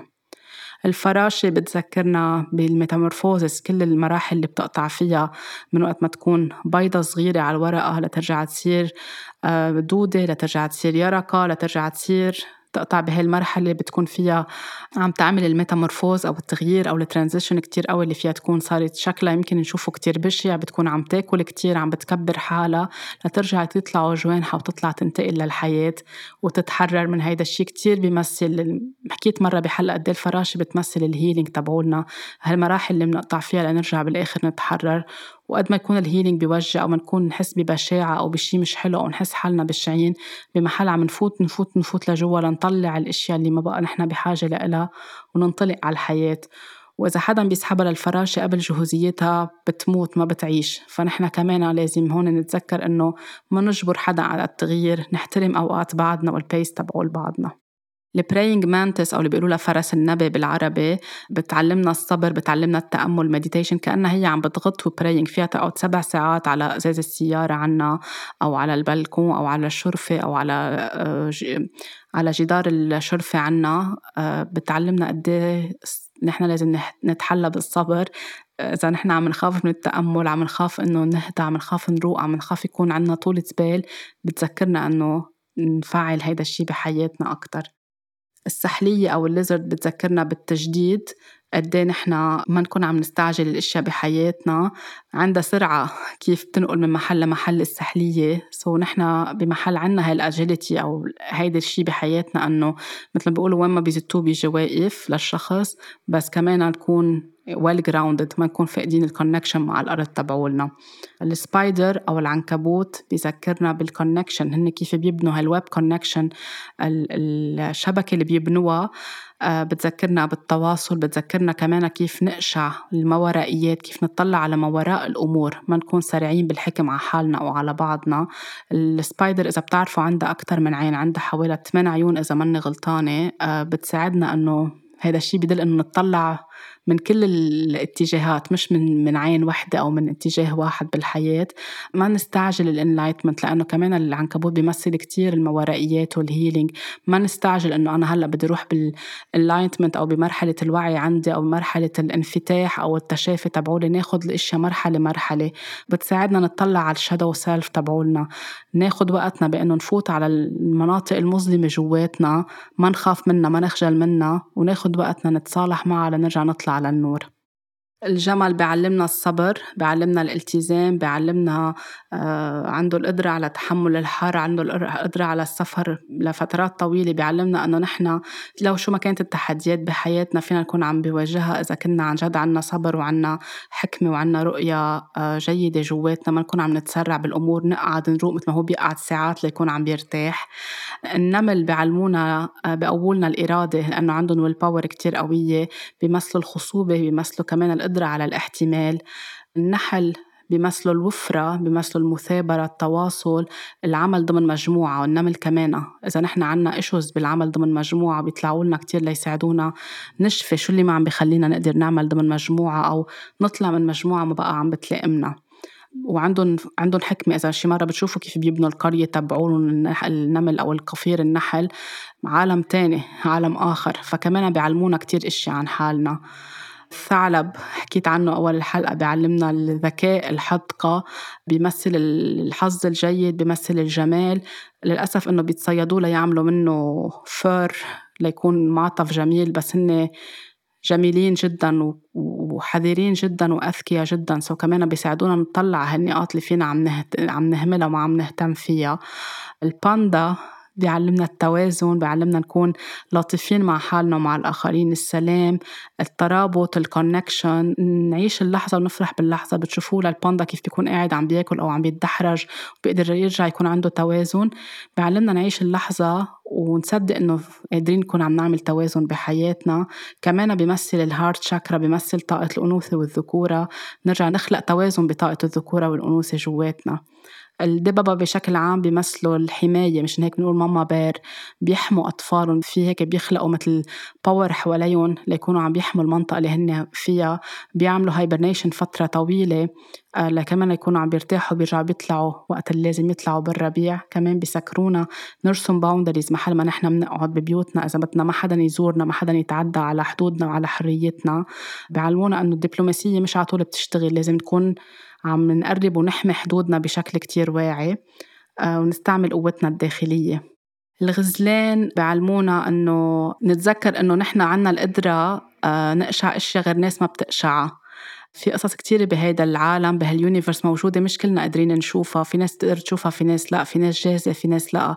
بس يجوا كمان على ال reality تبعولنا بذكرونا إنه it's okay نقبل إذا نحن مختلفين أو غيرنا مختلف ونقبل نطلع على أبعاد كتير كبيرة وكتير عميقة.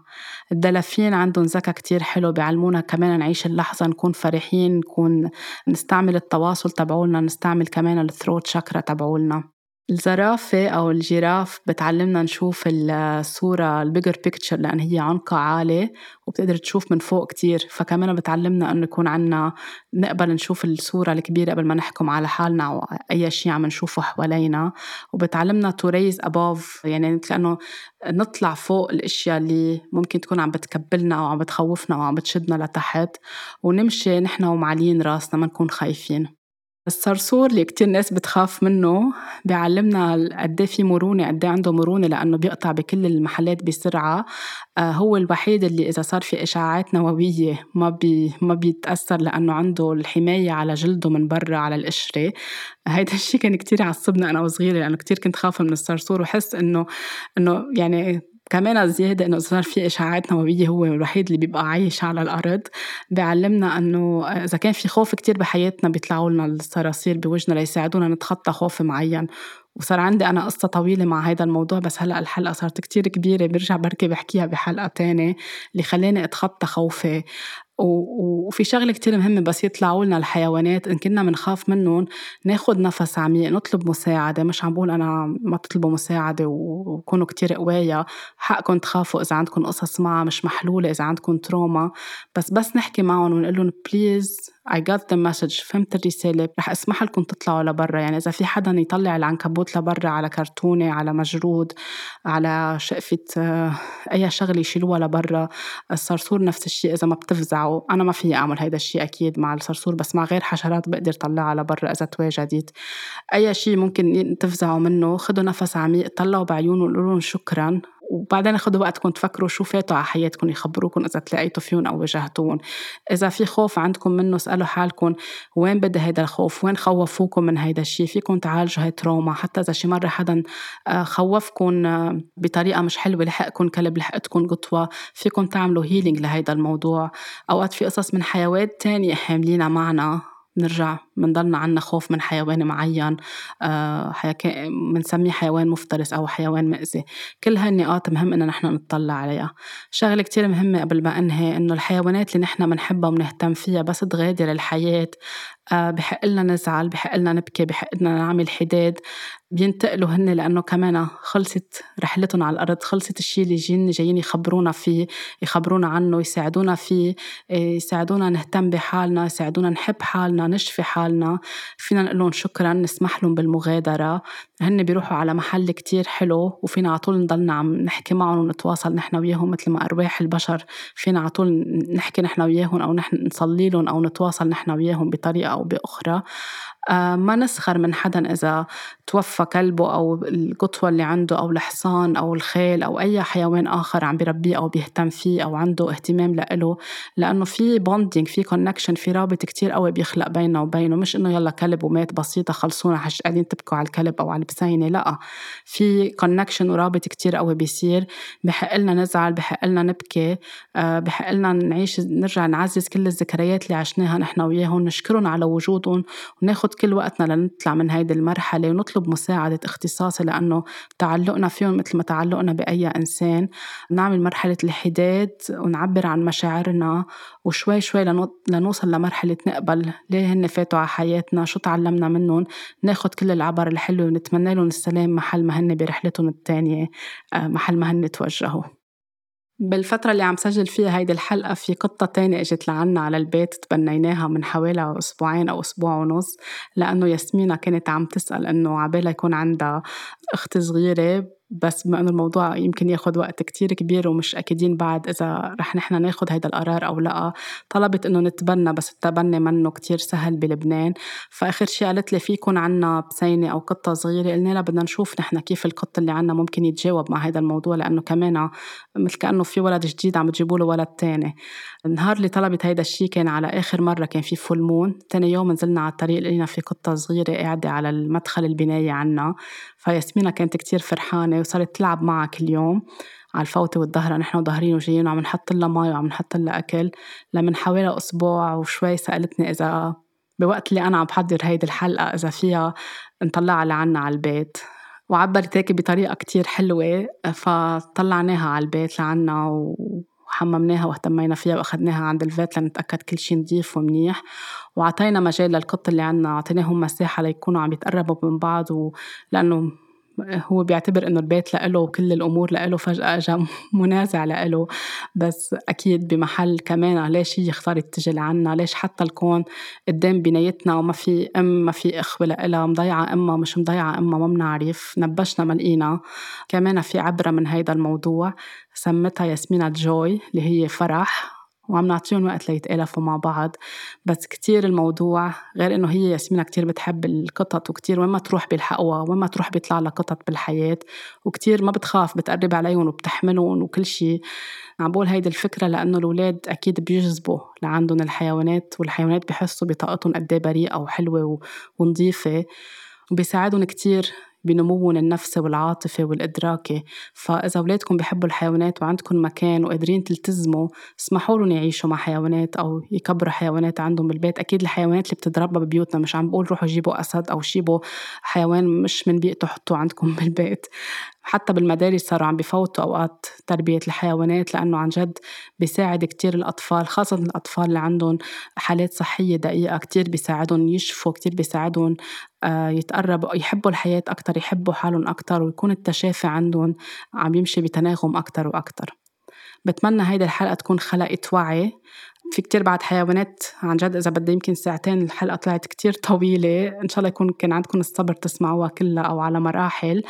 خلينا نخلق وعي بالاهتمام بالحيوانات حوالينا. شو تستخدموا؟ شو ما تستخدموا. ما تستخدموا تياب وجزادين وأحذية معمولة من جلود الحيوانات. بليز قاطعوا هيدي الأشياء. لو غيركم عم بيستعملها بس على القليلة أنتم عم بتكونوا هالتغيير. في كتير أشياء فينا نستعملها بالحياة غير جلود الحيوانات. ما تساهموا بقتلهم ما تساهموا بتعذيبهم ما تساهموا بأنتم تكونوا عم تأذون أو حدا حواليكم عم بيأذون آه، من فترة في نحن عنا كتير كلاب بالحي بنحط لهم أكل كلاب اللي يعني ال stray dogs في حدا قرر من فترة يحط سم وعينا لقينا في كذا كلب متوفين بنص الشارع وللأسف حاولت إني أتصل بكذا جمعية لحماية الحيوانات أو مع الشرطة أو مع البلدية ما حدا كان عم بيتجاوب معي على القليل يجوا يشيلون بطريقة محترمة وفيها احترام لروحهم من نص الطريق. إذا عم بيزعجونا في كذا طريقة نكون عم نساعد الجمعيات اللي عم بتطعميهم وعم تهتم فيهم إنه نمولها إنه نقدم تبرع معين إنه نساعد بوجودنا معهم على إنه نخليهم يكونوا شاردين بالطرقات وموجوعين. نحط لهم أكل هن عم بيحموا بالآخر عم بيحمولنا المناطق اللي نحن عايشين فيها مش عم بيأذونا. اتركوا معكم مي وأكل بالسيارة حطوا للحيوانات اللي عايشه برا. هلأ بال... خاصة بمرحلة البرد هلأ. للطيور اتركوا لهم مي وحبوب على البلاكين أو على الشرفات عندكم. بهيدي الطريقة بنكون عم نرفع الطاقة على الأرض عم نحبهم عم نحترمهم عم نتعلم منهم وهن عم بيكملوا وجودهم على هيدي الأرض. طاقة حب كتيرة كبيرة مني لكل الحيوانات لمملكة الحيوانات كلها. طاقة حب كتير كبيرة لإلكم إن شاء الله تكون الحلقة ساعدت أو رفعت الوعي بطريقة أو بأخرى.